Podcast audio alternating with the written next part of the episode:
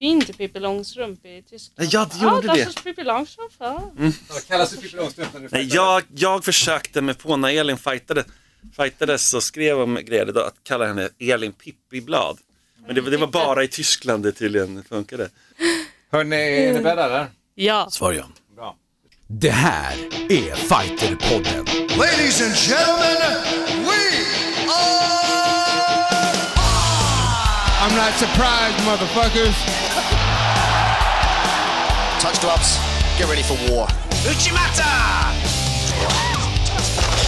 And ladies and gentlemen, the mauler, Alexander Gustafsson. Oh my God. Double leg. He just got double leg. I'm gonna show you how great I am. Alltså varmt välkommen till Fighterpodden. Detta är avsnitt nummer 64. Och du som lyssnar skulle se Elin Blad här och Simon Köhler som kan alltså mima hela vignetten just Den nu. är så bra den här viten. Alltså, vem är det som har gjort den? För det, det är nästan lite så här radio, radiosporten Kul att nivå frågar. på Jag, det här. faktiskt, jag har faktiskt fått frågor om det, mm. som tycker det. Han som har producerat själva musiken, han heter Johan Salén. Hörni, Shout out! ja shoutout. Som satte sig i en studio och spelade ihop den här. Och sen så är det faktiskt så att jag har plockat ut de här ljuden. Är det sant? Ja, så är det. och sen har vår producent Marcus plockat in det här. Så där har vi den. Mackan, Mackan. Vilket dream team. Ja, det har faktiskt blivit jävligt bra. Ja. Så är det. Eh, jag heter Mårten Söderström. Det Så är gör du. Ja, och eh, som sagt, 64 poddar har vi klämt ur oss nu då. Jag trodde du skulle säga 64 år är jag. ja. Hur allt är de här åldersgrejerna. Vad är det med den I grejen? Göteborg ålder är de två Ja. grejerna Vad är det med, han är varje gång. Det är Ja, men konstigt. jag vet inte. Ja, men hur är läget i din? Det är bra. Jag, jag mår fint. Bra. Mm. Hur går det med träning? Det är framåt skulle Mm. jag säga. Jag, jag har börjat eh, faktiskt lyfta lite tyngre nu efter att skönt. typ inte kunna lyfta en ICA-kasse. Så det går framåt. Alltså, kassen, med- då antar jag att det var någonting i den här ICA-kassen också. Nej, inte alltså bara... det var en tom kasse. Ja. Nej, det var såklart saker i. Mm. Och det finns såklart andra varubutiker än ICA också. Nej men det här är pu- public service. Du då, Ja. Simon? Uh, ICA-kasse? Nej, träningen. Ja, hur går det? Eller hur mår du? ja, ja, ja. Generellt. Så, träningen går bra. Träningen går bra, tackar som frågar. Tackar som frågar. Ja. Nu kör jag faktiskt fem dagar i veckan, eh, än så länge. En och en halv vecka. Eller vad är det, två veckor nu. Tänk att man har hört sig själv köra den grejen. Ja, men nu kör Nu är jag igång. Nu är jag igång, fem dagar i veckan. Sen bara, Ja. tre veckor senare, vi får se, vi får se. Ja, det är bra. Det är bra. Nej, men, Hur eh, mår du Mårten? Tackar som frågar. Hörrni, eh, och det går också bra med träningen ska jag säga. Jag Bilen går bra, flytten går bra. Du, det är inte flyttat än, utan det är Nej. inte förrän i april. Får jag berätta en sjuk grej bara? Ja, Det är en helt annan grej. Ja. Jag var och handlade selleri i en matbutik. ICA-butiken. Nej, jag, faktiskt, nej, det var på Hemköp var det, Mm. dessutom i Göteborg. För att min son har fått för sig att han ska ha sellerijuice för att han har sagt att det ska vara nyttigt. Oh, du smakat på det Det är är så fruktansvärt äckligt. äckligt som Skitsamma. fan. Så jag köper det och de, är, de görs i Spanien, är någon sån här inplastade, Mm. köpte ekologiska då. Och sen ska jag betala i kassan, lång kö är det, så sitter hon i kassan och får liksom den här och ska scanna av och så bara släpper hon det bara, nej, vad är det här för någonting? Bara, vad händer? Ja. Då är det en spindel, alltså en levande spindel inne i den här, stor svart med rött streck på, liksom, på stjärten. Den var stor alltså. Ja men alltså relativt stor alltså. och, och, du jävlar. vet, och hon bara, Åh, den är röd, den är giftspindel och hon var typ, hade också spindelfobi. Och hela kön engagerade sig, den här måste du, du måste åka till Naturhistoriska. Men nej, fan sluta låt mig bara betala Vad liksom. heter han krokodilmannen? Jonas Ja. Lindström eller? Men någon skulle kunna få Ja. det på Skansen ja. ja men så du vet, så att jag bara, ja, det går jättebra så är det inga problem. Hon bara, men ska du inte byta? Nej det går jättebra så här. Jag, jag, släpper spindeln liksom på utsidan av butiken, det är inga problem. Gjorde du det? Men Vänta nu, och sen så, liksom, så betalade jag och så, jag köpte två paket och sen så tog jag ena paketet tittade jag ner. Så ser jag ju inte spindeln i någon av de här paketen. Bara, som fan, den har säkert krypit in någonstans. Så, då var jag inte så kaxig längre. Då var jag så här, ah! Alltså, du fan, jag tror att jag går och hämtar ett par nya här för jag vet inte riktigt vilken var det som var, eller var den här andra för det var typ två olika etiketter. Det var den där säger hon. Så jag lägger den bredvid henne för att gå och hämta en ny, då får hon ju panik. Va, du vet. Så att då kommer personalen och hämtar det här som att det var en, en bomb. Typ, och Vilket går iväg. drama. Ja, det var dra- och det sjuka är att jag i allt det här inte tar en bild. Att jag, alltså, i dagens samhälle, Nej, dagens samhälle. här. Men jag gick hem och googlade och precis den spindeln och då står det att sådana kommer ibland och den är faktiskt inte jättegiftig men den är rejält giftig eh, och de finns i Spanien. Och det här är ju då för att det här också är ekologisk. Just det. Så den hade säkert ett bo där inne, vi vill inte höra detaljerna här. så. Men det, det är klart så. Vilken Jo. story va? Vilken Verkligen. Men visst var jag fascinerande först berättelse. iskall och sen var jag inte alls jävla iskall när jag kom på. Ja, det är stora vändningar, det är mycket dramaturgi här. Jag vet inte, jag kom in på Jag det här. hade ju tappat det om jag hade stått och hållit i en selleri som det var en stor svart spindel i. Eller hur? Ja. Det är obehagligt. Nej, men jag hade ju typ kastat den som att det var någonting som brann. Som en molotov. Men tack vare min kampsportsträning, där tog jag tillbaka oss. Där är vi tillbaka på Ja. den. Just det. Kampsportsträning kunde hantera det. Nej men det var spännande att, eh, som sagt, obehagligt. Eh, då är det så att den här podden idag tänkte jag vi ska prata såklart om kampsportsnyheter. Det är ganska mycket som har hänt och händer. Ja, ganska mycket. Och så tänkte jag vi ska ringa till Jesper Gunnarsson. Så du känner Elin, han är ordförande i MMA-förbundet. Du känner honom också Det Mårten? gör jag ju. Och så ska vi prata lite hårdrock med honom också. Det är lite internt, det får ni se sen hur vi slutar med den grejen. Mm, Intressant. Eh, men jag tänker lite grann inför, eh, ja men hur året som har varit, det är ju, är ju SM snart i amatör-MMA. Just det. Och hur det här året nu som kommer, eh, apropå att det går lite rykten om olika arrangörer. Som Ja, absolut, de alla möjliga. Ja, men att prata om ligan också som är Precis. relativt unik i sitt slag. Att eh, det finns så mycket möjlighet för amatörer att tävla. Exakt. Amatörligan. Så där har ni det, dagens podd. Men nu gör vi så här.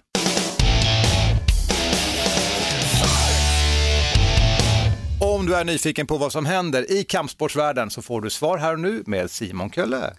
Det har varit väldigt mycket Conor McGregor senaste tiden Ja. och det kommer självklart vara det även här. Du, alla har sett va, matchen nu eller? Ja. Ja. Det antar jag. Det, ja, vid det här laget så är, är det Har du inte, news har du inte nästan. gjort det nu så är det spoiler alert. Ja, det blir spoiler alert nu. 40 sekunder tog det för Conor McGregor att vinna över Cerrone. Cowboy. Mm, Och precis. det var ju det vi trodde och det var det vi sa. Ja. Eh, och jag hade en teori att inte han har hakan kvar. Det ska jag inte Det säga. fick du väl relativt rätt i. Ja, alltså, eh, du vet, det roliga var att jag tyckte han fick tillräckligt stryk för att de skulle bryta, men det har varit spekulation om att det var en läggmatch. ja, nej, men jag tror... Alltså, Jag- jag vet inte vad kommer man det? ska säga Var kommer det ens ifrån? det. Alltså? Han fick en rejäl propp, en spark i huvudet och slag i ansiktet och han hade ju en stor svullnad. Hur kan det ens bli att, att det var en läggmatch? Det måste ju bara vara att du är så vansinnigt besviken på Mm. att matchen gick så fort. Mm. Och att du betalt 500 spänn om man nu har gjort det på någon pay per view Så det var det du var besviken på, men du kan ju inte tycka att det där var, alltså han fick ju stryk, slut, färdigt. Ja, men, när, Alltså det var en väldigt tråkig match. Alltså, det, det, Tycker det, du? Ja, men jag Nej, tycker jag tyckte aldrig den var att, spektakulär. Nej, jag tyckte aldrig att det blev, det hann inte ens bli Ja, men kul. det är ju det med tiden, att det var nej, för men kort. så kan man säga. Det, men det, det förstår jag vad Alltså du det menar. finns ju spektakulära matcher, alltså den här, vad heter han, Masvidal, Mm. när han flög upp i Ben Askrens face. Det var ju spektakulärt. det här Det här var... det här var ganska också spektakulärt. Fast, då var det, fast jag, håller med, Nej. jag förstår vad du menar Elin, att Ben Askren var då obesegrad och alltså det fanns eh, en hype kring honom som var helt enorm. Här kommer en kille då som har två förluster i rad, som förvisso har vunnit flest av alla hela UFCs historia och headkicks och sådär. Men eh, det, det blir inte Det riktigt samma hann sak. aldrig hända någonting. Nej, det hann aldrig hända Fast hur någonting. länge han var borta, var det två år? McGregor? Ett och ett halvt år. Ja, Ja, det tycker- han vann väl senast 2016 tror jag. Ja, han fick den frågan bland annat i en av, en av Men vadå två förluster? Vadå, Khabib och vad har han för två Nej, förluster? inte Connor utan eh, Donald Cowboy Cerrone kom Jaha, från två jag förluster. pratade om eh, Connor nu. Och, och Connor fick lite, folk lägger upp någon sorts narrativ där om- kring, ja, eh, vill lägga in boxningsmatchen och så här. Så att, men, men han, han kommer från en förlust i alla fall, gör han ju. Sen vann han ju innan det, Connor.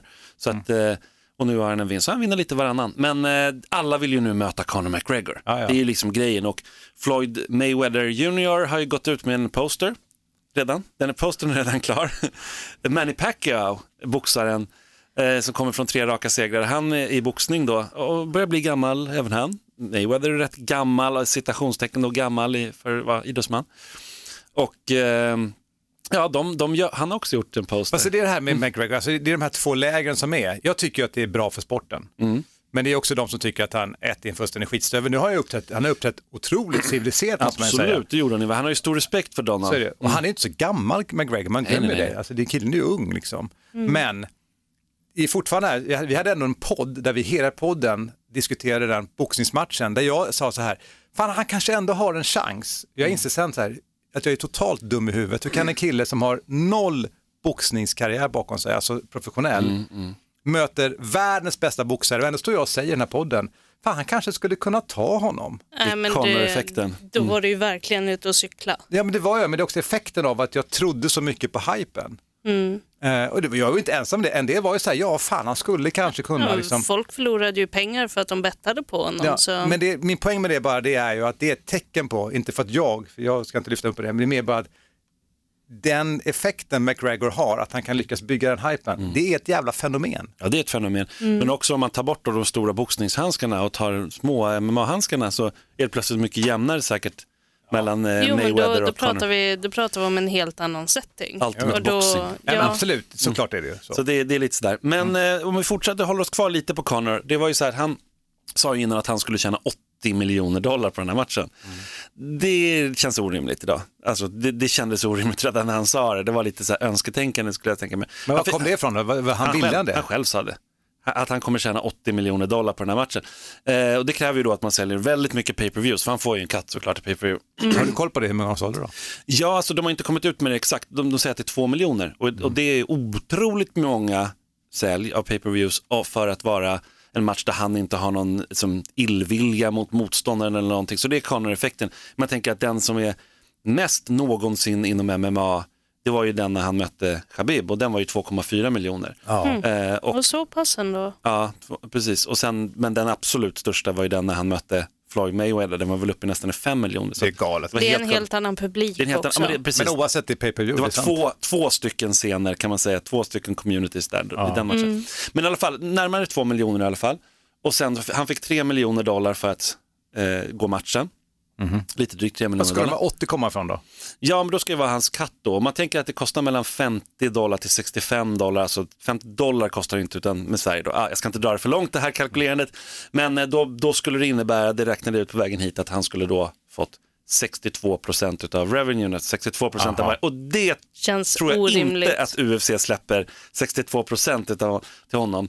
Eh, så, men han kanske tjänade 40-50 miljoner. Ja, alltså. och sen mycket. får man tänka på då att manager ska ha pengar, eh, klubben eller sådär, coacher ska ha pengar, skatt ska givetvis betalas och sådär. Mm. Fast det, sett i perspektiv, det är lite sjukt. Ja. Nu är dollarn låg såklart. Liksom, alltså, är Är den så låg? Ja, hyfsat. sådär. Ja. Mm. Ja, men så här, säg att du får 50 miljoner. Det, det är ändå 400 miljoner kronor. Ja, ja, det är Mm. bisarrt. Jag har sett att du får en halv miljard för att göra det enkelt. Liksom. Så här, Det låter, hur många exempel har vi där du går upp och gör en match och så är det en halv miljard? Alltså, det är ganska få exempel. Du Ja. får inte de pengarna, men om de skulle få 50 miljoner dollar, det är ändå mycket pengar. Alltså. Ja, all, alla gånger så har han ju säkert fått ut då efter skatt och allting så här, när det väl betalas. Ja, men det är så är det. Så kommer han ju säkert få ut i alla fall en 30 miljoner dollar eller någonting. Mm. Det är tillräckligt mycket för att köpa några fula Louis Vuitton-kostymer och hälla, hälla ut whisky på random ställen. Eller den här kostymen har där texten, där mösset är en text där det står fuck you. Ja. Den, den var ju faktiskt ganska Den är rolig. häftig. Får jag bara fråga, har Ja. vi någon koll på hur det gick med pay-per-viewn i Sverige? För det där är ju Nej, fortfarande nej de, går, de går inte ut med det alls. Och det, nej, det, det, det, Viaplay går inte ut med det. Alltså där måste vi luska killar och tjejer. Alltså, jag, jag tror att de har gjort en riktig fadäs på den grejen. Alltså, nu säger de att, att inte de kan vi- välja, men alltså, Ja, det verkar ju som att Viaplay ändå, alltså, att de försöker, inte bara i Sverige utan det, det har jag ju sett lite på sociala medier, att de, de, gör lite, de gör studio i Danmark, de gör studio i Norge, de har studio i Sverige. Det verkar ju som att de pushar en del pengar i det här men jag tror precis som du säger Mårten att det, det är förmodligen en buy down att, att tro att man ska kunna bibehålla de tittarsiffrorna med på den här en sån pay-per-view plus den retention-avgiften som är Ja. väldigt hög. Jag är intresserad också hur mycket illegal streaming har gått upp här. För det, det, var Ja. väldigt, det var många som skrev det i, i kommentarer till Viaplay. Så, ah, gå in på den här, tipsade om olika sajter och olika grejer. ja, men jag håller med om det. Men jag tänker Mm. på att just den här galan var liksom nästan ännu mer omotiverad. Alltså vår, vår vän som aldrig är här längre, Hans Wiklund, Mm. Du vet, för han ville bara se McGregor-matchen, det var en han var intresserad av. Han bara, 500 spänn för den skiten. Liksom. Det var Mm. hans uppfattning. Det är inte så roligt, det är, det är för mycket pengar för en gala som inte lyfter upp till det. Mm. Och det vet du aldrig när du köper den. Nej, det vet jag inte, men liksom, kortet skulle ju kunna ha några matcher till. Som Det rasar liksom iväg lite grann. Det blir, så här, det blir för mycket, det, det, det handlar för mycket om pengar. Det, det är väl det som jag tror många känner. Och har man blivit van i Sverige då med, och i Norden generellt att det här kan man ju köpa då en prenumeration på några hundra i månaden eller något sånt där. Sen så får man det, sen plötsligt så inför man pay-per-view. Vi har ingen tradition med pay-per-view Nej, det har vi inte, men det är också så att vad, vad kostar jag? jag? Har ju själv det här via Play Fight. Ja, vad precis. kostar det? 449 i månaden. Ja, jag har kvar det där gamla Nej, så här- fortfarande så att jag kommer undan Nej, med kanske är så- 200. Ja, men säg att jag betalar 5 000 kronor om året. Mm. Plus att jag ska lägga pay-per-view. Varje gång det är en stor gala. Det Det blir, det, men- Så är det tio galor om Ja, men- året så och- då är du ju uppe i Och ni vet ju själva, sen på det, nu är jag sig i fel bransch, jag har väldigt mycket abonnemang, men ändå. Sen kanske du har Netflix och så har du en HBO, alltså, vi lägger väldigt mycket pengar på det här nu. Ja, och man kan ju möta det på lite olika sätt. Men jag, men jag kan tänka mig att det också är svårt gentemot USA. Jag tror att det de har ställt kravet. Ja, men ni ska göra på det här sättet, då får ni behålla det. Och de har byggt upp någonting här, de har investerat såklart som du säger pengar och i liksom, ja, folk och allt möjligt. Men alla vill nu i alla fall möta Conor McGregor.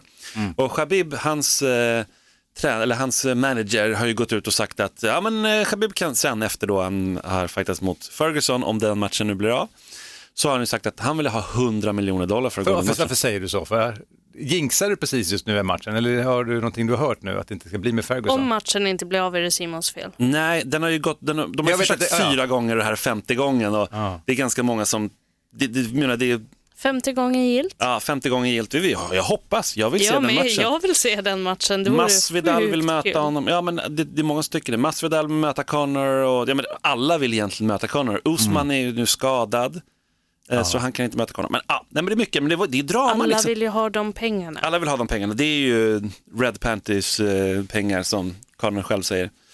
Eh, Va? man- jag vet inte om det, ja, det är ett skämt som han drar om att om när man signar ett kontrakt att möta honom, då, är det, då ska man ta fram the Red Panties hemma. Röda byxorna? Jag är ingenting fattar du känner inte. igen? Nej, vi kan lämna det, vi kan klippa bort det också. Måste jag googla på det här med det. röda trosor liksom, för Ja. att veta vad det här innebär? Nu, är det, nu kan man fira hemma, liksom. nu har man signat ett kontrakt mot, det är ett skämt som han drog på en presskonferens. Aha, det var inte så kul skämt. Nej. Eh, men, Alltså syftar han på typ att det är sexiga underkläder, är det han menar? ja, typ. Ah, jag fattar. Mm, Red Panties. Det är därför Eh. inte du förstår Elin. Det är gamla, det är gamla män som tycker så. Okej, kör du, kom, vi kom fram till att han inte var så gammal. Men i alla fall, nej, men Bisping av alla personer har ju gått ut och sagt att han tror att, nej, men han, han, han tror faktiskt att det kommer bli en Diaz-match igen. Nate Diaz mot Connor. Att det skulle kunna bli en tredje nu. För att nu vill alla möta honom och han, var, han hade en annan stil nu, Connor, och sådär generellt. Så att, Och han var lite så, öppen och jag menar, han, hade, han hade all möjlighet i världen att hypa till exempel en match mot Masvidal eller någonting sånt där. Men han ville nog gå bältesmatcher och så. Ja, Mm. jag, tror ju att hela det här med att han plötsligt har varit så snäll, alltså, vi pratade ju om det här för några Mm. poddar sedan och sa det att förmodligen har han ett PR-team som har fått komma in efter att han har sopat på gubbar på barer och Mm. varit betett sig som ett Han har en chans nu att Ja, liksom, göra bara, nu, ska du, nu ska du vara fin och snäll och sportslig och sen så att du kommer tillbaka i folks good grace Kanske, någonstans. kanske. Det är, väl den, det är väl en cynisk bild av det. Det skulle kunna vara så, men jag tror också att han, han känns som att han är mer tillfreds. Han, det är roligt, han tycker att det här är kul nu igen. Han var ju på väldigt mörk plats, det, det sa också Dana White i presskonferensen efter. Det här med Khabib, när de möttes, det var mör- den presskonferensen innan Khabib, där den där stora, den var ganska mörk. Du vet, han pratade om terrorism och smuggling av barn. Alltså det var så här, det var ju rätt tunga grejer som han tog upp om eh, eh, Ali Aziz där, eh, Khabibs eh, amerikanska manager då. Eh, så här, ja, men det, det, ja, vi kan lämna Conor McGregor tänker jag. Ja, men vi kommer, det. vi kommer komma kommer tillbaka, tillbaka. till det så otroligt mycket så ofta. Ja. Som en boomerang kommer han tillbaka. Ja, fortsätter i MMA dock. Vi har SM snart i amatör-MMA, men vi har också att, blivit klart att Brave kommer komma till den stora Mellanöstern-organisationen, kommer komma till Sverige. Det har vi sagt förut att vi visste ju redan om det tidigare, men det var inte klart när. Och nu har det blivit klart att det kommer vara en gala på, i Solnahallen 18 april. Solnahallen? Ja det kan man lite udda kan man tänka. Eller de, de har ju varit där, AK och sådär förut. Men det är lite, lit, det är lite litet kan man tycka, eller? Brave kommer stort och det är bältesmatch och allting. Och, och AK-fighten ska jag säga, bakom det är ju All Stars. Bland annat ja, precis. Ja. det, är, det är väl två, de gick ihop med de andra Bulldog. Ja, nej men precis. Så i, om, I den organisationen då, Brave, där har vi även Guram Kutatelatse som vi gillar i podden. Som bara vinner och vinner.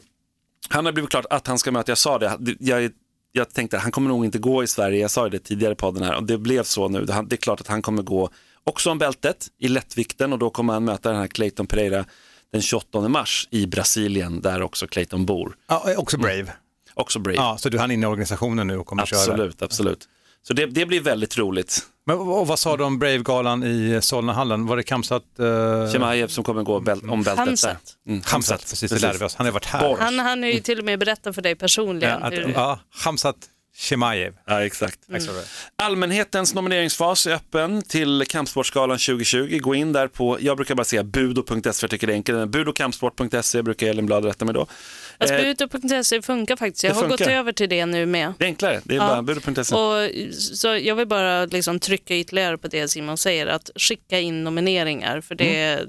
Det, det, det har verkligen effekt. Jag sitter ju i juryn i år igen Mm. Ah. och jag, jag kan säga det att vi, vi läser allt som skickas in. Ja, jag fick ett Du vet, du vet att när vi intervjuade William Zed Wenzel, Ja. ja, då visste Elin att han Just skulle det, vinna. det var så. Ja, det Och hon höll ett sånt jädra pokerface, Det så det får jag faktiskt starkt. ge dig. Ja, Det ja vi, då hade vi ju Och redan... att han inte kopplade, han hade ju ingen aning om, och vi sa aldrig att du satt i juryn, vilket, eller du, du, du, Jo, jag jag tror att jag nämnde pratade det. om det, och han, han kopplade Nu inte det. sitter ju jag i juryn, men vi får ju se hur det blir. Ja, det var Ja. roligt. Här. det var kanske eh, dålig och härmning av dig där. men- Han hade ju supervinst där. Det. Det hade han. Mm. Och det är så roligt, det är verkligen, jag har också suttit i juryn en gång, det kommer in ganska bananas eh, faktiskt eh, nomineringar och sådär. Jag fick ett mail faktiskt ganska roligt av en, eh, en, av- en som jag känner från eh, back in the days, väldigt länge, som sa att han hade nominerat mig. Jag var lite så här, ja nu är inte jag någon idrottare, något, men tack ändå, så här, det är jättegulligt. Så här. Jag, Kanske vet, årets ledare. jag tror inte det var ledare, jag tror att det var hederspriset och jag säger så här, ja, men jag, nej, är inte så engagerad i förbunden. Och det. Men det är roligt, jag tror att det är, det är ganska galna och det är ju också så här, sen är det såklart elever som, Men så ska som, det vara. Alltså elever ska ju gå in och det är så du kan visa. Men, men vad skulle man gå någonstans? Jag bara repeterar, vart ska jag gå någonstans? Budo.se, så någonstans där finns det en länk. Eh, och alltså det här du säger att elever skickar in om sina... ja, Alltså, det är bra. Alltså, vi, det händer ju så jäkla mycket bra på många föreningar i, runt om i landet och vi som sitter i juryn känner inte alla. Vi vet inte alla Nej. som är eldsjälar och det är ju väldigt lätt att sitta och lyfta de som är stora fixstjärnor och syns mycket men de som gör att idrotten funkar är ju alla de som jobbar på bakom kulisserna och som är bra ledare och stöttar och är förebilder. Det är ju det. Det är Verkligen. superviktigt och vi känner inte alla. Så, Gå in och rösta helt enkelt. gör, Ja. det, gör det verkligen. Och jag tycker en uppmaning då Elin, om du sitter i juryn och sådär, att, lyft gärna det från eh, mig eller om du tycker, tycker som mig då att man ska kunna också nominera och ge Jack Hermansson pris fast han är i Norge, tillhör en norsk klubb. Han är svensk, men eh, han tillhör ju då en norsk klubb. Så tidigare så har vi, fakt- ja, för jag lyfte det när jag satt i ja, juryn. vi då var har det så här, suttit och jiddrat med det där fram och men det tillbaka. går väl att lyfta i styrelsen och bara bestämma tänker jag. Det, Så att om ni vill ha hjälp med det, Elin, så bara kan du ja, kalla men in mig han är vår största stjärna just Ja, nu. Herregud, ge hon människan pris för in i helvete. Ja. Ja, nu blir jag upprörd. Nej, jag skojar bara. Eh, Curtis Blades kommer gå eh, huvudmatchen här. Han är ju 12-2-1 i rekord. De möter Junior Dos Santos. Vi är fortfarande kvar i MMA och fortfarande UFC då. då. 21-6 har eh, Dos Santos i rekord. Det blir helgens UFC-gala. Vad tycker du om den matchen? Spännande. Har du koll på, Curtis har ju bara förlorat två gånger. Ja, vilka är det matcher han har förlorat mot då? Båda gångerna mot Ngannou. Aha, men det Och, och Dos Santos har också förlorat mot Ngannou. ju. Så att de, de delar ju det där, förluster mot honom. Men, eh, Men alltså, eh, Do- Dos Santos är ju ganska allround numera. ja, verkligen. Från början var han bara striker. Men, Precis. Ja, nej, men det, det, det är faktiskt en rolig match. Jag vet, att, jag vet inte om ni har spelat UFC-spelet någon gång, då är Curtis. Blades helt galet bra i det spelet faktiskt. Ja, för att inte tala om Verdum som är helt fantastisk. Mm. Nåväl, tillbaka till nyheterna. Eh, för svensk del så eh, är ju galan intressant med tanke på Lina Länsberg som kommer gå match där. Ah. Så det, ska bli rätt, det har vi Mm. pratat om förut, men nu är det ju nu här i helgen, så det är väldigt kul. Hon kommer möta Sarah McMahon. Sarah McMahon är ju rankad L10, är hon rankad, nu Mm. försökte ta det här i huvudet. Ja, det är hon, och Lina Länsberg är rankad 11. Så att det, det, hon, Det kan ett bli steg. ett pin, Exakt. pinnsteg upp. Och Sarah McMahon, hon är ju mest känd för att hon är gammal OS-brottare eh, för USA. Eh, oj, oj, nu blev jag osäker, eller Kanada. Skitsamma, Nord, Nord, Nordamerika. Hon i alla fall, eh, det- men det var länge sedan. Alltså hon, hon tog brons senast hon var med i något större brottningssammanhang och det var 2007. Så hon har ju verkligen varit med länge och 2004 så tog hon sitt silver där som de alltid hypar henne kring. Att hon är ju silvermedaljör i brottnings-VM, ja 2004. Det börjar bli rätt länge sedan nu. Ja, Det är det. 16 år. Ja men verkligen, 11-5 har hon en record, hon har gått 5-5 i UFC. Hon är ändå rankad över Lina Länsberg och Lina Länsberg har vunnit två matcher nu i rad. Tonja Evinger, såklart som supernamn. Eh, och sen då eh, Chiasson, då, Macy Chiasson som eh, också var högre rankad än henne. Så Ja, att, men eh, Lina är ju, hon Ja, har hon, ju... är, hon, är, hon är on fire. Det är någonting där med eh, gröten som eh, Akira tror jag serverar henne. Alltså det, är, det är väldigt intressant och det är inget Men det är också Det, så... det, det låter som att du menar att, Nej, hon, nej, nej. att han har stoppat någonting i Absolut inte. Nej, nej, men, absolut han, inte. men jag tror att, som sagt, när vi pratade med Akira, som alltså är hennes kille och tränare, Hamid heter han också. Ja. exakt. Eh, Så, så sa han själv att hon har aldrig varit bättre. Hon är, och det som när man ser henne nu, hon är nog i det här, hon har sitt fönster nu. Det här Ja. är ju hennes, hennes prime. Och eh, hon kan gå ganska långt nu, hur långt hon kan gå kan jag inte svara på. Men, Nej, hon, det- men det, är nu, det, det är nu det händer. Det gäller att smida nu. Liksom. Alltså, så- så hon, hon kommer trampa nu, hon kanske kan ha något kliv bakåt, liksom, alltså någon förlust, kliva lite mer. Men det är nu det händer, jag ska säga de närmsta två åren, liksom. 24 månader nu, det är nu det händer för Lina. Spännande. Ja, det är väldigt, väldigt kul att följa. För just när det går så bra för någon är det så roligt. Det var som när jakten gick som bäst för honom. Han går fortfarande bra för honom, men det är häftigt. En till grej och det är ju att just nu pågår ju BI, EM i BI i Lissabon i Portugal. 5 000 deltagare, Mårten. Där ligger Wow. ni i lä. Ja, där ligger både Nordic och Swedish Ja, i du som lyssnar nu, alltså det är den ständiga diskussionen, vilken av tävlingarna, Swedish Open i Stenungsund eller Nordic Open här i Nacka som har flest utövare. Nu är det alltså så att eh, han hade ju helt rätt då, Rickard rätt att med är några- några. med några få personer.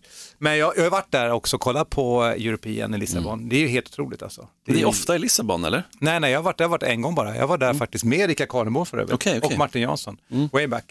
Eh, när Martin tävlade och tittade på matcher. Eh, så att, eh, då är jag ju hela stan, alltså var du än går så är det ju brottaröron. Det är ganska roligt. Det är flipflops, brottaröron och... Och sen så ska, det, går du ner, ska de festa någonstans i hamnområdena. Sådär. Det, var, det, var en tok, det var en tokig tid. Ja, Jag kan tänka mig det. 5 000 BI-spelare i samma stad. Det är spännande. Men det är häftigt, det är jättekul och det är, vi kommer ju såklart återkomma till det, för det pågår ju just nu, det har precis börjat när vi spelar in det här. Så att, det får vi såklart återkomma till.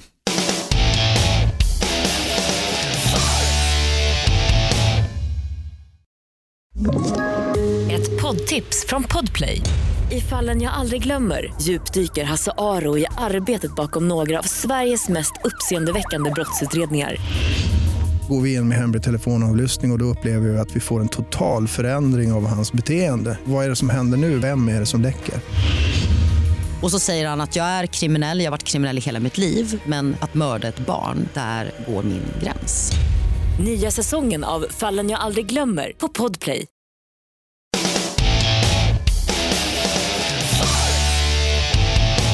Men du Elin och Simon, apropå EM i BJJ.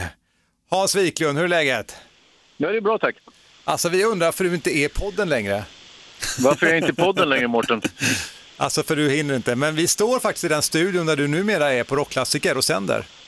Ja, vad trevligt. Det är som eh, hemmaplan då för mig. Ja, och Elin sitter på din plats. Kan du kolla bakom där? Är det någonting i den där McKellen-lådan? Ja, det kluckar. Är det dina fisktofflor också? Ja, det är det faktiskt. Fisktofflorna och McAllen ger ni fan i. Ja.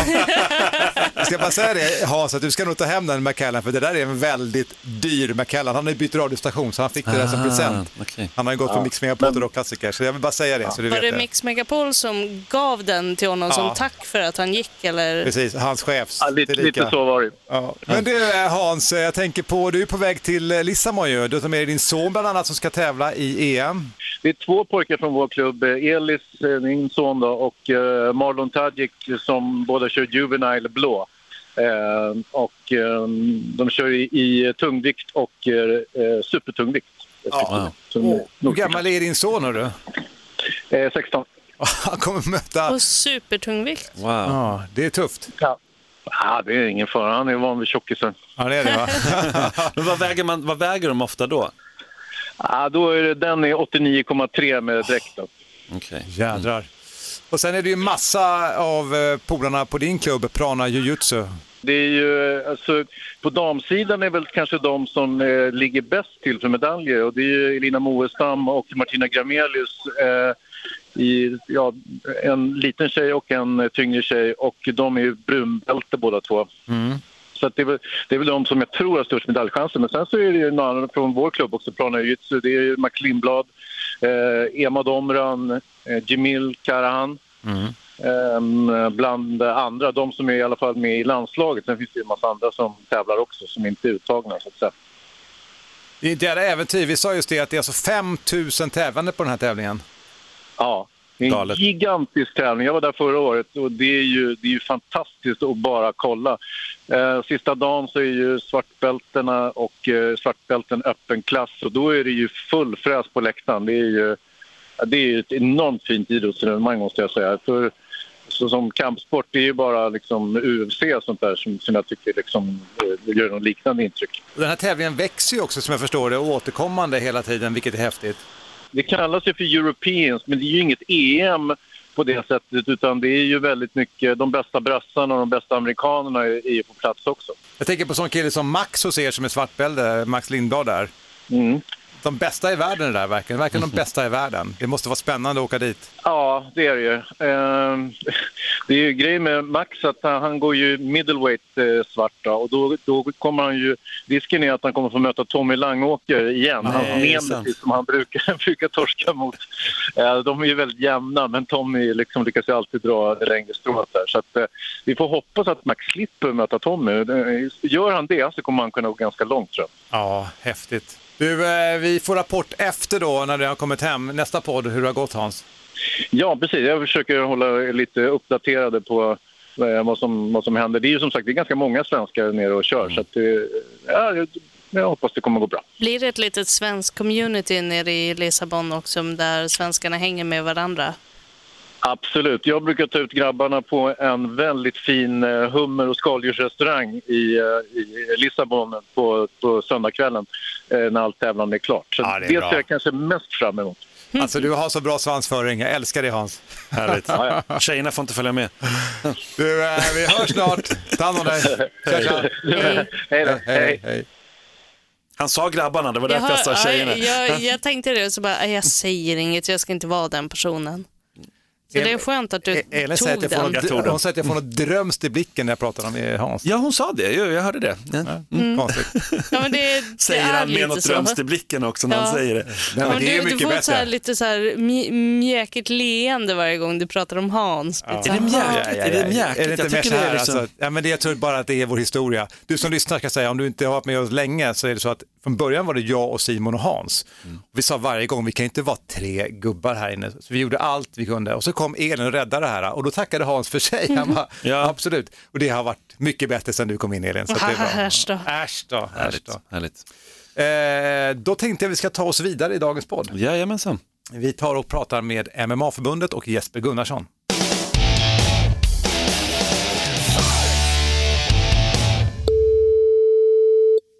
Ja, Jesper. Jesper, detta är Fighterpodden med Elin, Mårten och Simon. Tjena! Hallå, hallå. Jesper, vi tänkte stämma av lite grann med dig, eh, lite hur det var förra året, men framförallt det här året kanske när det gäller eh, svensk MMA. Och jag tänkte börja med amatör-MMA-scenen. Hur var förra året tycker du? Eh, Den var bra. Vi arrangerar ju, förbundet arrangerar tillsammans med en mängd föreningar MMA-ligan varje år. Eh, man kan väl säga att den kulminerar nu till helgen med SM 2019. Det är lite konstigt att det är 2020 men det är SM för 2019 som av- avgörs nu till helgen. Och då är det ju så att man har tävlat i den här ligan och samlat rankingpoäng och så kan man kvalificera sig för SM då, som körs över två dagar nu till helgen i, Göteborg just då. Hur många är det som kommer tävla i SM? Ja, det är väl mer eller mindre fulla viktklasser. Jag tror eh, att det kommer gå ungefär eh, 25 matcher per dag. Så eh, Då är det fyra stycken per viktklass, eller hur? Så möts de och sen blir det final dagen efter. Precis, i klass A är det helt fullt. I B och C är det väl inte riktigt fullt. Framförallt inte i C då, där vi inte haft så många tävlande. Eh, men i A-klassen som är kvalificerad för landslag, där är det fullt skulle jag säga. Kan du berätta mer om klass C? För det, den är ju relativt ny och jag tror inte att det är så många som känner till det. Många vet nog att eh, klass A är det gamla amatör-MMA och klass B är det gamla shootfighting. Men klass C tror jag att det inte är jättemånga av våra lyssnare som känner till kanske. Det är nog mycket så, för det är också min erfarenhet, eller vår erfarenhet, att det, alla känner inte riktigt till det. Men det har funnits ett, ett par år, klass C, och det är från 16 till 18 år. Och eh, det som skiljer det då det är att man får inte slå eller sparka mot huvudet. Vilket har den fördelen då att det inte är tillståndspliktigt via Länsstyrelsen eftersom det inte är några slag och sparkar mot huvudet. Då. Eh, men det är fullkontakt mot kroppen och, så det är egentligen som, som B-klass fast utan slag mot huvudet då, eller sparkar mot huvudet. Eh, och det är ju lämpligt då när man är under 18 år och kanske inte eh, skelett och muskulatur och sånt där är utvecklat för att ta slag mot huvudet. Så vi har fått fler och fler som börjar tävla i det och det är jättebra att vi kan sprida det lite grann. Ja, bra. Mm, Att, att, så vi ser gärna fler i det då. Det kommer vara några, det kommer kröna några svenska mästare i C-klass nu. Så då är det SM i helgen nu för det året som har varit. Om vi tittar nu inför 2020 då, hur ser det ut då? Ja, där är ju ligan nu planerad också då för 2020 och det är, jag skulle säga att det är väl ett, mellan 12 och 14 tävlingar ungefär. Från Malmö i söder upp till och med Stockholm är det väl. Som, som körs på. Det är ju framförallt många på våren och en hel del på hösten medan det inte är på sommaren speciellt då. Eh, men till det, eh, och det kan man väl säga då att där kan ju alla som är anmälda, eh, anslutna till förbundet anmäla sig. Och jag skulle säga att 95 av alla som anmäler sig blir matchade. Men till det är det värt att säga att det finns ett antal så att säga, spelare och arrangörer som har sökt sanktion för att arrangera sina egna tävlingar. Det är i Västerås och det är Linköping och det ska vara i Gävle och lite sådär under våren här. Och de kommer också arrangera, förutom några proffsmatcher, även amatörmatcher då. Så det är ofta sådana blandgalor det blir. Så, så det finns lite av varje att ta. Amatörscenen har ju verkligen växt och det är jättekul. Men om man tittar på proffsdelen då? Där det har varit prat nu, eller det har blivit, blivit klart att Brave kommer komma hit i ett samarbete med AK Fighting och vi kommer få se Superior igen. Det känns väl som business as usual. UFC då, hur ser det ut där och Bellator? Ja, UFC var ju här förra året och eh, de är ju, jag skulle säga att de är väldigt förknippade med att det finns någon svensk fixstjärna som de kan bygga sin gala på. Och nu när Alexander Gustafsson eh, är inaktiv på UFC-scenen så ser väl inte jag det i alla fall riktigt att de kommer till Sverige faktiskt. Så det, men vi har inte hört någonting om det men, men det, historiskt sett så har de ju byggt sin gala på på Alex helt enkelt. Ehm, du säger inaktiv, inte pensionerad. Betyder det att du tror att han kanske kommer göra någon liten comeback? det kan jag bara spekulera i. Men, men, Alltså, vi spekulerar ju fritt i den här podden. Vi tror ju verkligen att han kommer tillbaka. Vi tror det. Vi tror det. Ja, Han var ju brottades i Göteborg i alla fall. Mm. Veckor Brottades inom citationstecken, för det var inte, blev en stående brottning kan man säga. Ja, Ja, det är bättre att säga någonting Jesper, det är lugnt. Det är svårt att få ner någon, eller hur? ja, det är jättesvårt. Det är jättesvårt. Men han har lyckats med Cormier och Jones och sådär. Men i alla fall, nej men eh, Bellator då, där har det ju varit, eh, de har ju ändå gått ut och sagt på stor presskonferens i Japan att vi kommer komma till Sverige. Mm, eh, det stämmer och jag vet inte om ni känner till det men för ett par år sedan så var det ett par representanter från Svenska MMA-förbundet som var nere och träffade Bellator i, i Italien. Eh, för lite, bara tala om hur det funkar i Sverige för att vi har ju vår kampsportslag och man ska söka sanktion och eh, det är speci- speciellt och speciellt men det är lite speciellt det får man ändå säga. Så vi informerar dem och skapar förutsättningar och, det finns en dialog kring det där. Eh, men som ni också märkt så kanske de inte helt lätta att få ut att det är det här datumet och vi ska köra här. Så att, eh, men vi försöker hålla löpande kontakt och försöka förstå när de ska arrangera. Och det är väl som man säger ibland, det har aldrig varit så här som nu. Eh, men, men eh, jag har inga konkreta besked när de kommer. Men vi hoppas ju såklart att, att det kommer stora spelare som, som UFC, Bellator och, och Brave och vi har haft Cage Warriors här och att det är regelbundna besök. Men, men, men Jesper, hur skulle du som ordförande i MMA-förbundet, hur skulle du ranga, hur mår svensk MMA, den svenska MMA-scenen? Det som har, den mår ju rätt bra, så att säga, idrottsligt. Eh, därför att det finns, det finns ju fler tävlingar än någonsin, skulle jag säga. Eh, både i ligan och som vi har haft i säkert över tio år. Eh, Men även det finns flera så att säga, nationella spelare och vi besöks relativt regelbundet av internationella spelare. Eh, så- det är bra och det är nästan så att det är överetablerat skulle jag säga. Vi har pratat om det i podden här just, att det har varit lite böljande. Det var en period när det fanns, alltså vi har ju en historia du och jag, vi har ju träffats inom The Zone genom åren. Mm. Och så försvann det och sen var det som att det var ganska få galor och sen har det exploderat ganska många små, du som du säger också, alltså i Västerås med flera skalor och på andra platser i Sverige, att det har liksom kommit tillbaka, många små galor. Ja, och det, det man kan säga om de här små galorna det är att alltså, det man får göra för att få någon ekonomi i det, det är att man får, man får blanda proffs och amatörmatcher för att, för att hålla ner kostnaderna helt enkelt. Det, det är så det är. Därför, ja, som sagt, när vi arrangerade The Zone så kunde vi få 2500 åskådare och då kunde man få ekonomi i det. Men får man 500 åskådare då är det något helt annat. Och då, då får man hålla ner kostnaderna och då får man blanda proffs och amatörer. Så är det. Men de är roliga att se. Alltså, jag rekommenderar ju verkligen alla ni som lyssnar att gå på de här mindre galorna för att det är väldigt kul också följa någon, det, eller det, det är helt oslagbart, att följa någon från grunden och känna att ja, men vi som såg Alex till exempel, Alexander Gustafsson tidigt innan han blev proffs, det var jättekul att ha sett sen när, när personen blir proffs. Eller håller du med om det Jesper? Ja, absolut. Och, det kan man ju se. Nästan alla våra proffs har ju gått amatörmatcher i Sverige. Eh, relativt mycket. Och det, jag ska inte säga att det är unikt. Jag ska säga att den här MMA-ligan är unik i Mm, världen. verkligen, Den, den, den finns inte. Eh, men att kunna få en, en stabil så att säga, eh, amatörkarriär bakom sig innan man blir proffs, det, det är väldigt mycket värt. Och eh, det går att följa. Intressant där du säger att det kan vara, att det kan vara överetablerat. Jag tänker lite grann att då, innan UFC hade varit i Sverige, men när väl de kom och hade några Mm. galor liksom på rad, det var som att det, på, det påverkade, upplever jag, andra galor. Att folk, för det var ganska dyra biljetter, man ville hellre gå på den galan och så kanske man inte gick på de mindre galorna. Men eh, frågan är hur det ser ut i år nu, om, alltså om, om det kommer Bellator och, och så vidare.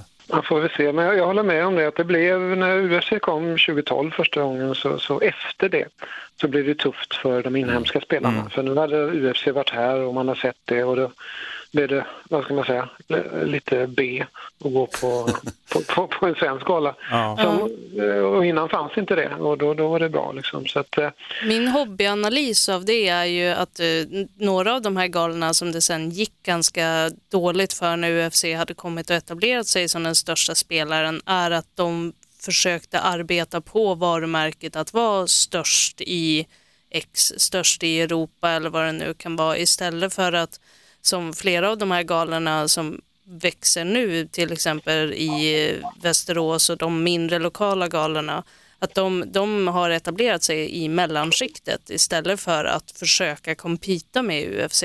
Jag tror att det är bra att man fyller upp mellansegmentet istället för att alla ska försöka vara störst.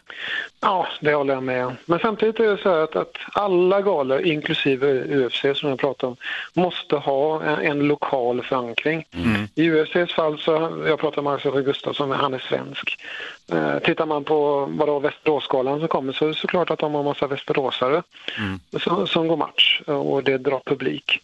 Eh, så det är hela tiden den här lokala anknytningen. Hittar man en stark sån och man har liksom en, en hotspot på något sätt med, med bra utövare, då, då kan man bygga någonting.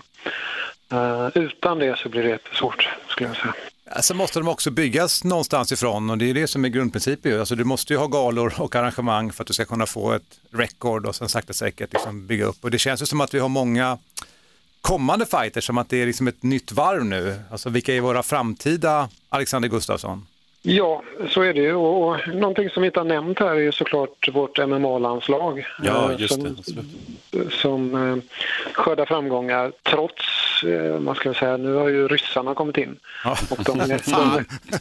Jäkla de, ryssarna. är, ja, de, de är ju professionella liksom, eh, på sitt sätt då, eftersom de blir, deras, eh, så att säga, de blir betalda liksom, av, av ryska förbundet och de tränar heltid. Det blir väldigt svårt eh, tyvärr då. Att, att, men, men, eh, Men förklara det, jag hänger inte med riktigt. Alltså, Det är lite mer idrottsfabrik i Ja, det är så. Ryssland. Men är det för att de har en sambo-bakgrund liksom i sin kultur eller vad är det som gör att de... Ja, det, dels är det väl att de har den här brottarkulturen, liksom. Eh, så är det. Men sen om jag förstår saken rätt så, så blir de eh, så att säga avlönade av sitt förbund att vara idrottare liksom, och, och kan på det sättet ha idrotten som, som yrke. Och, och, och, som såklart våra amatörer inte kan. Då. Det är klart att man kan komma en bit med sponsorer men som yrke har man inte.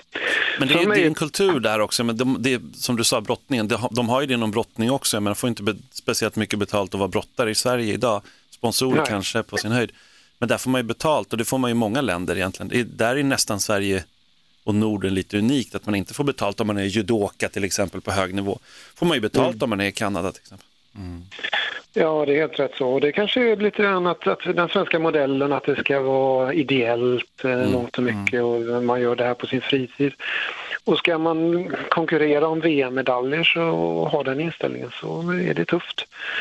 Eh, nu ska det också sägas att vi lyckats. Sverige var ändå tre, andra eller tredje nation på, på senaste Just det. VM. Just det, det är bra. Så, ja, det är väldigt bra. Eh, Inget guld dock, vi ville ha guld. Ja. Man, Nej, det blev guld, det blev man guld vande sig ju lite vid Bianca. det här guldregnet som kom i Nej, men det blir, jag, hade varje fel, jag har fel, ju. det var ju Men det guld. var ju Ja, det var ju guld. Du Besan Mahmoudi och Bianca Ja, Antman. Bianca, ja, precis. Inget guld på här sidan. Nej, guld. Så var det. är måste ha Simon som har fel fokus. Ja, jag har fel fokus. Ja. Ja, Sorry, förlåt. Ja, jag måste ha rätt i det det handlar om. Det vet eh, Jesper, det är vår historia. Nej, jag skojar bara. ja.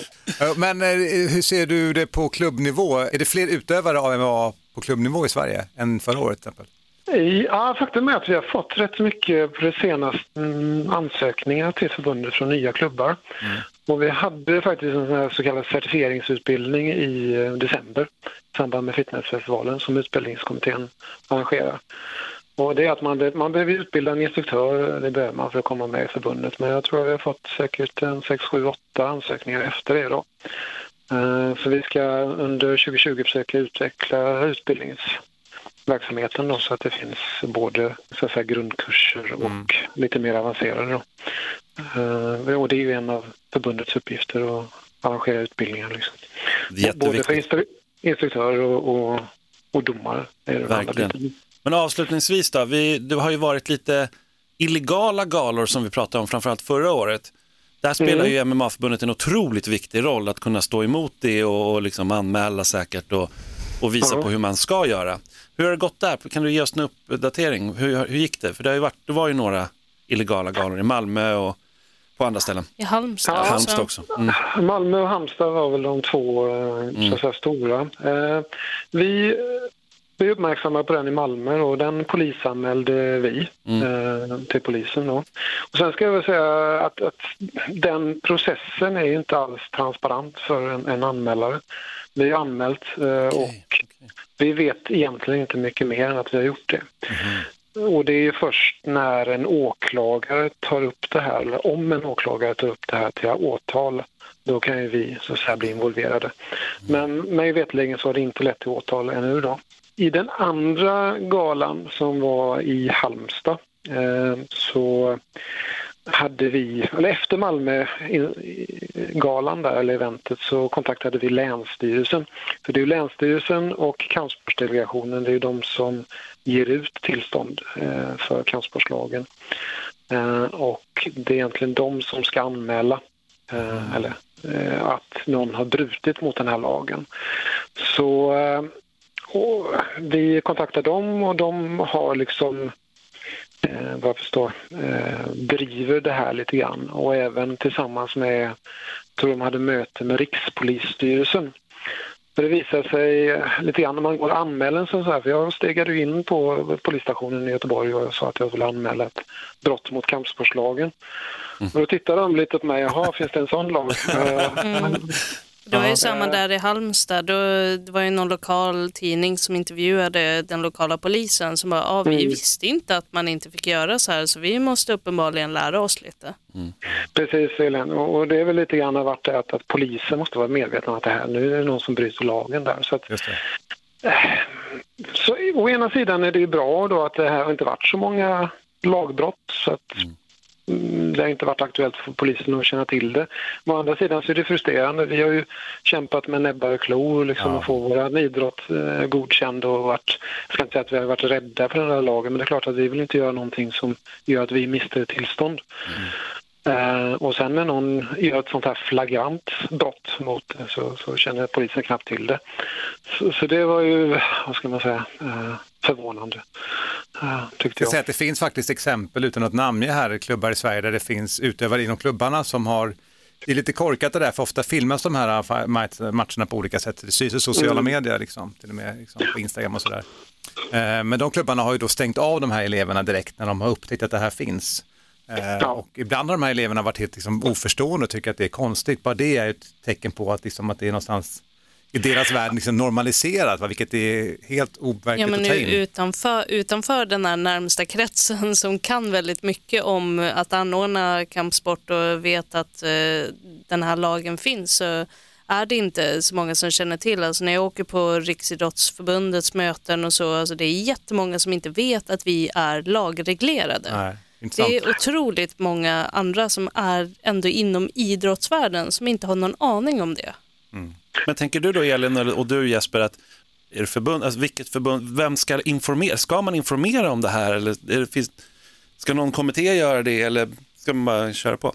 Alltså det, jag brukar prata om det oftast i sammanhanget när folk ifrågasätter vår legitimitet. Mm. Att, eh, för för jag, jag kan få sådana kommentarer när jag är ute och träffar andra i idrottssverige att eh, säga, ja men MMA och kampsport det är bara våld och sådär. Fortfarande så? Ja, ja tyvärr Mm. så finns det fortfarande och det är Mm. oftast i de sammanhangen, de personerna vet liksom inte att det finns en, en myn, tillsynsmyndighet för det här och att det finns lag som reglerar hur vi får utöva och tävla i det.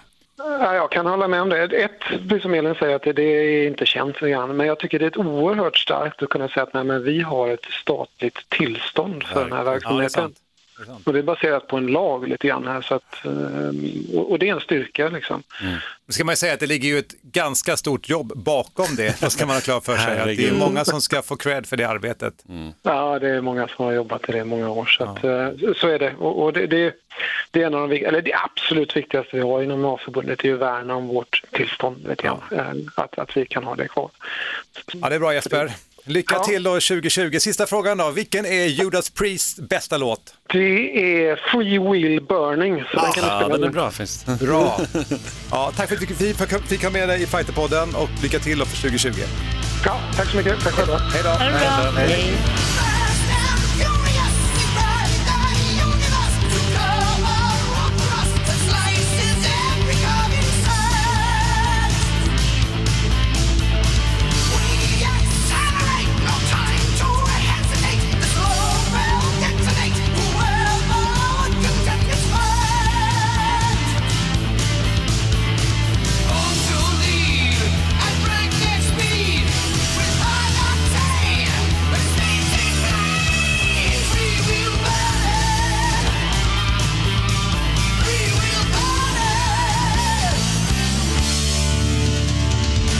Inte ofta man hör Free Will Burning med Jonas Priest i Fighterpodden, men där kom den. Det var för att eh, Jesper Gunnarsson sa att det var den bästa låten med Judas. Mm. Och man kan se i dina ögon där att du gillar det också. Exakt så är det. Exakt så är det. Ja. Men det passar ju lite bra i auran, vi är ju ändå i rockklassikerstudion så. Det är vi faktiskt. Men det är spännande med MMA-året. Ja, verkligen spännande med MMA-året och vad, vad viktigt och bra det är att det, finns ett, för, att det finns ett förbund på det sättet. Det låter ju som en självklarhet idag. Det är klart det finns förbund men att det finns liksom ett MMA-förbund som kan ta hand om när det går dåligt och försöka utveckla det för att det ska bli bättre. Men någonting som jag reagerade på det var ju att den nordligaste staden som anordnade MMA-ligan var Stockholm. Är det det? Han sa ju det, från, från Malmö ända upp till Stockholm. Och Men då jag att- Gävle har väl också... Ha, Jag vet då, Jo, men de ska ha Här- galor. Gävle ska ha galor, men det kanske inte är om klart. det är så, då, då, måste, då måste Norrlandsklubbarna steppa Mm. upp. Ja, men Gävle är ju knappt Norrland. skulle- de- Nu får jag väl skita av det alla är ju Gävlebor. extremt fusk-Norrland, Ja, fusk-Norrland enligt Elin då, som är en äkta norrlänning uppifrån Kalix, höll jag på att säga, men inte, rikt- inte riktigt. Var är du ifrån nu då? Höga kusten. Ja. Så, Det är vackert är det. ja, det är fint. Mycket ja, mygg. Ja. hörni, jag Det är tänkte på en sak. mygg. Om man vill kontakta den här podden har åsikter, tankar, funderingar. Det är fighterpodden at fightermag.se. Det är det första jag vill säga. Vi. Sen när man lyssnar på den här podden och till exempel gör det via podcast, alltså podcaster som är Mm. iTunes, gå in och rate oss, gå in och ge oss betyg, gå in och ge kommentarer och hör gärna av dig till oss.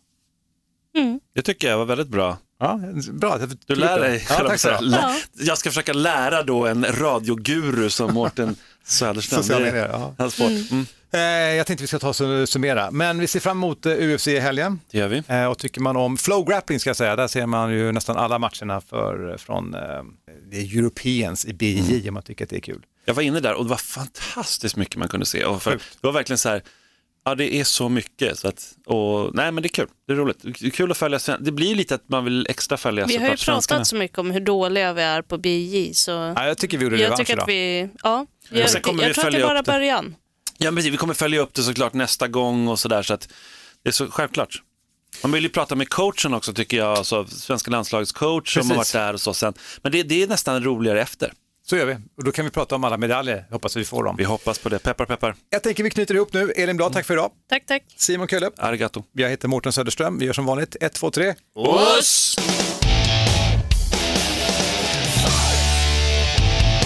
Fighterpodden produceras av Suba Media för Radio Play. Ett poddtips från Podplay. I fallen jag aldrig glömmer djupdyker Hasse Aro i arbetet bakom några av Sveriges mest uppseendeväckande brottsutredningar. Går vi in med hemlig telefonavlyssning och, och då upplever vi att vi får en total förändring av hans beteende. Vad är det som händer nu? Vem är det som läcker? Och så säger han att jag är kriminell, jag har varit kriminell i hela mitt liv men att mörda ett barn, där går min gräns. Nya säsongen av Fallen jag aldrig glömmer på Podplay.